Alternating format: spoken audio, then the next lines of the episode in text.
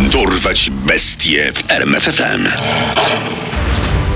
Imię i nazwisko. Rodney Alcala. Pseudonim.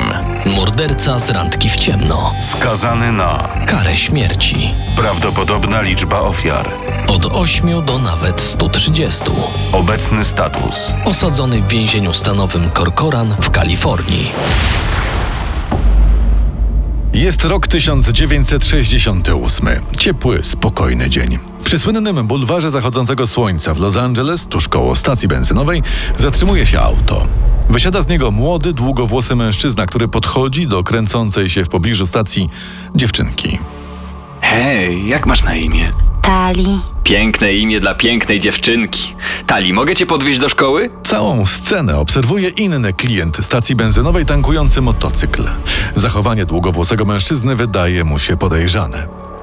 Gdy ten zgarnia dziecko do auta i odjeżdża, motocyklista bez wahania rusza śladem samochodu.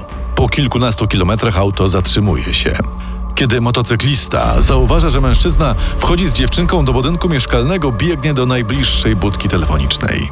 Policja, y, proszę przyjechać na Longtree Avenue y, natychmiast. Jakiś y, pedofil zgarnął dziecko z ulicy. Po krótkim czasie zjawia się patrol. W kuchni mieszkania, do którego udaje się dostać policjantom, w kałuży krwi leży kilkuletnia dziewczynka. Obok niej znajduje się metalowy pręt. Chris, wołaj pogotowie! Już! To dziecko jeszcze żyje! Gdy dziewczynka trafia do szpitala, lekarze stwierdzają, że została brutalnie zgwałcona. To ośmioletnia Tali Shapiro, która po wielu latach jeszcze raz pojawi się i odegra ważną rolę w historii seryjnego amerykańskiego mordercy Rodneya Alcali. Bo to właśnie do niego, 25-latka z dyplomem prestiżowego kalifornijskiego uniwersytetu UCLA, należy mieszkanie, w którym znaleziono zgwałconą Tali. Sprawcy jednak ku wściekłości policjantów udaje się wykorzystać zamieszanie i zbiec tylnymi drzwiami. Śledczy mają jeszcze nadzieję, że zostanie on szybko schwytany, jednak nic z tego. Alcala znika z oczu policji na długie trzy lata. Znajomi Rodneya, za którym władze rozsyłają list gończy, nie mogą uwierzyć, że ten wesoły, skromny absolwent sztuk pięknych mógł brutalnie zgwałcić ośmiolatkę. Po prostu niemożliwe. Rodney to taki wrażliwy i inteligentny gość. Kocha sztukę. To musi być jakaś koszmarna pomyłka. Śledczy bezskutecznie poszukują Alkali także w Meksyku. Mężczyzna zostaje umieszczony na liście najgroźniejszych przestępców, jednakże na razie wszelkie działania służb nie przynoszą rezultatu. Później okaże się, że w tym czasie przestępca bynajmniej nie wiedzie życia ukrywającego się zbiega. Przeprowadza się do Nowego Jorku i tam, pod zmienionym nazwiskiem, przez nikogo nie nękany, rozpoczyna studia w szkole filmowej, między innymi pod okiem Romana Polańskiego. Jest towarzyski, lubiany i utalentowany. Jest też mordercą. W 1971 roku zabija 23-letnią Cornelię Creeley. Zbrodnia ta wychodzi na jaw dopiero po wielu latach. Krótko po dokonaniu zabójstwa, latem 1971 roku, jako John Berger dostaje pracę wychowawcy na obozie plastycznym w New Hampshire. Nikt nie kwapi się, by sprawdzić, czy papiery pana Bergera na pewno są w porządku. Ma jednak pecha. Pech przychodzi do niego pod postacią dwóch podopiecznych, które pewnego dnia idą na pocztę, by wysłać list do rodziców. Dokonują tam niecodziennego odkrycia. Sara, patrz na ten list gończy. Ten facet wygląda tak samo jak nasz wychowawca Johnny. Rany. Moim zdaniem to jest on. Słuchaj, musimy zadzwonić na policję. Dziewczynki zawiadamiają organy ścigania. Policja, która przyjeżdża sprawdzić zgłoszenie, przekonuje się, że faktycznie John Berger to poszukiwany od trzech lat Rodney Alcala. Mężczyzna zostaje aresztowany. Podczas przesłuchań zachowuje się, jakby nigdy nic się nie stało. Niechętnie odpowiada na pytania śledczych i równie niechętnie wraca do historii sprzed lat. Nie pamiętam, żebym zrobił tej małej jakąś krzywdę. Poza tym jestem teraz innym człowiekiem. Prokuraturze brakuje twardych dowodów. Tym bardziej, że rodzina Tali Shapiro odmawia zeznań. Po gwałcie wyprowadziła się do Meksyku i nie chce przypominać sobie tragicznych wydarzeń. Alcala przyznaje się do molestowania nieletniej, ale twierdzi, że do niczego więcej nie doszło. Nie po raz pierwszy w jego historii i nie po raz ostatni mamy do czynienia z nieudolnością służb i ze zbyt łagodną polityką resocjalizacyjną.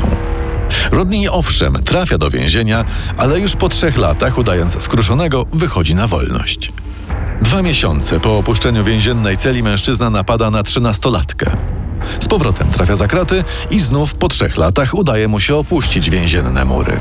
Wkrótce potem morduje 23-letnią Ellen Jane Hoover, córkę właściciela klubu na Manhattanie. Mniej więcej w tym samym czasie zdobywa pracę. Po raz kolejny nikt nie sprawdza jego papierów. Zostaje zecerem w New York Timesie. Praca w mediach podsuwa mu nowy sposób na zwabianie ofiar.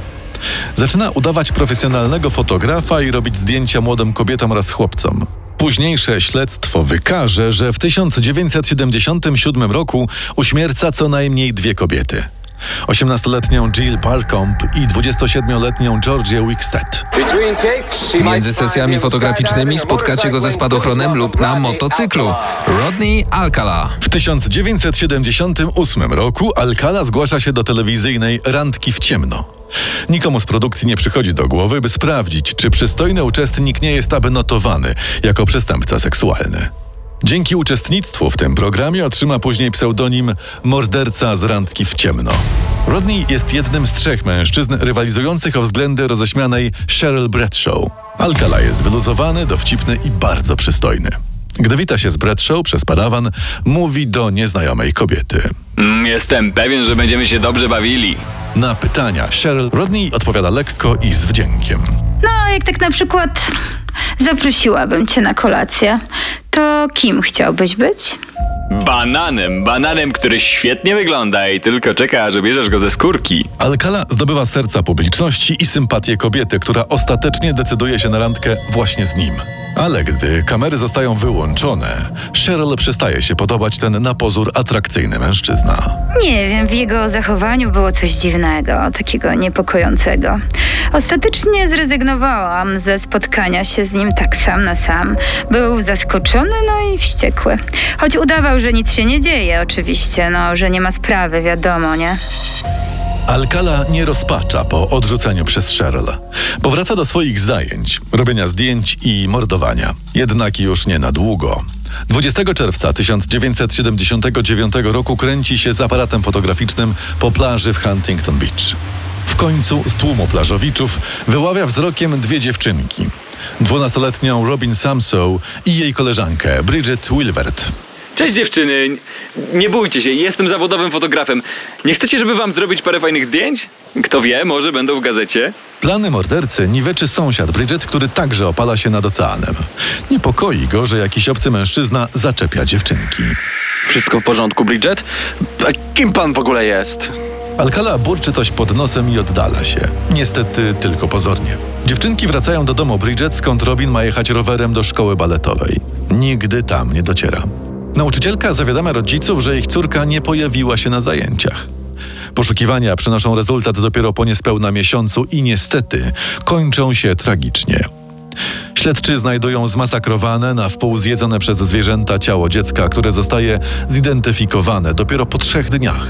Na podstawie zeznań Bridget powstaje portret pamięciowy domniemanego fotografa. Wkrótce potem na policję zgłasza się jeden z miejscowych kuratorów sądowych. Ten mężczyzna z portretu pamięciowego wygląda jak wypisz wymaluj. Mój podopieczny Rodni. 24 lipca 1979 roku Rodney Alcala zostaje aresztowany. Ma to miejsce w domu jego rodziców. Jest głównym podejrzanym w sprawie o zabójstwo Robin Samsow. Mężczyzna zaprzecza, by miał z tym cokolwiek wspólnego. Policja odkrywa w domu rodziców Alkali pudła z roznegliżowanymi zdjęciami młodych kobiet i dziewczyn. Niektóre ze zdjęć są zrobione na plaży w Huntington Beach, na której według Rodneya mężczyzna nigdy nie bywał. Śledczy odkrywają też rachunek za wynajęty w Seattle magazyn. Tam znajduje się m.in. damska torebka z kolczykami, łudząco podobnymi do tych, które nosiła zamordowana Robin. Alcala w końcu staje przed sądem oskarżony o zamordowanie dwunastolatki. Proces rusza na początku 1980 roku. Sąd orzeka karę śmierci dla 37-letniego mordercy i gwałciciela. Jednakże cztery lata później wyrok zostaje uchylony. Sąd Najwyższy w Kalifornii dochodzi do wniosku, że wiedza o poprzednich przestępstwach i wykroczeniach Alkali mogła wpłynąć na pracę i decyzje ławników. To nie koniec. Dwa lata później Alcala znowu zostaje skazany na karę śmierci, a przysięgli znowu unieważniają wyrok. Okazuje się, że jeden z kluczowych świadków cierpiał na amnezję. To wystarcza, żeby Rodney uniknął stryczka. Nawet nie potraficie mnie skazać. Ja mówiłem, że jestem niewinny.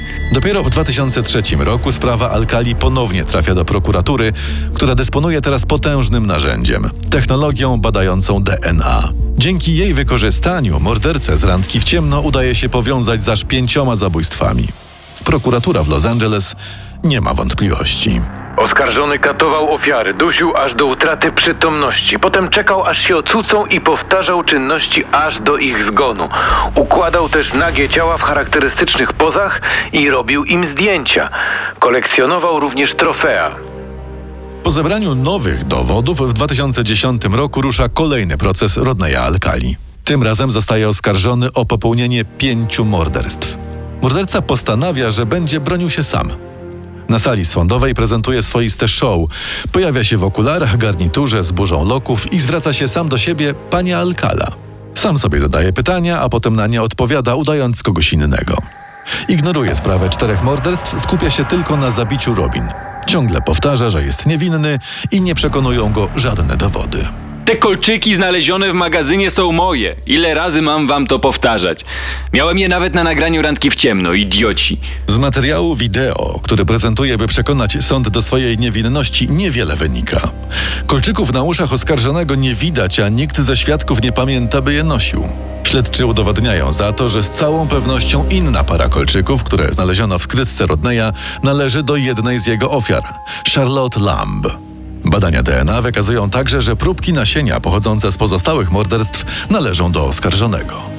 A na sali sądowej pojawia się, ku zaskoczeniu Alkali, jego pierwsza ofiara.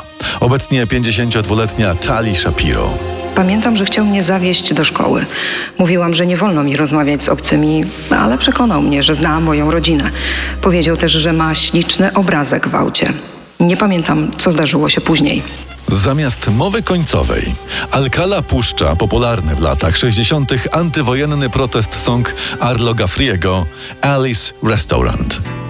You can get anything you want at Alice's restaurant. Bohater tego utworu twierdzi m.in., że pragnie mordować i pożerać spalone ciała. Po zaserwowaniu przysięgłym odrobiny muzyki oskarżony spokojnie zwraca się do ławników. Przed wami pewnie najważniejsza decyzja, jaką kiedykolwiek podejmiecie. Zróbcie to z rozwagą. Przysięgli z rozwagą wydają jednogłośny wyrok. Kara śmierci. To trzecia kara śmierci, na którą zostaje skazany Rodney Alcala. Trzy lata później, w 2013 roku, jego wyrok zostaje powiększony o 25 lat po przyznaniu się do dokonania dwóch zabójstw w Nowym Jorku w 1971 i 1977 roku. To prawdopodobnie nie wszystkie ofiary mordercy z randki w ciemno. Istnieją przypuszczenia, że Rodney Alcala może być sprawcą nawet 130 zabójstw na terenie Kalifornii, gdzie do dziś przebywa w stanowym więzieniu Corcoran. Poznaj sekrety największych zbrodniarzy świata. Dorwać bestie w RMFFM.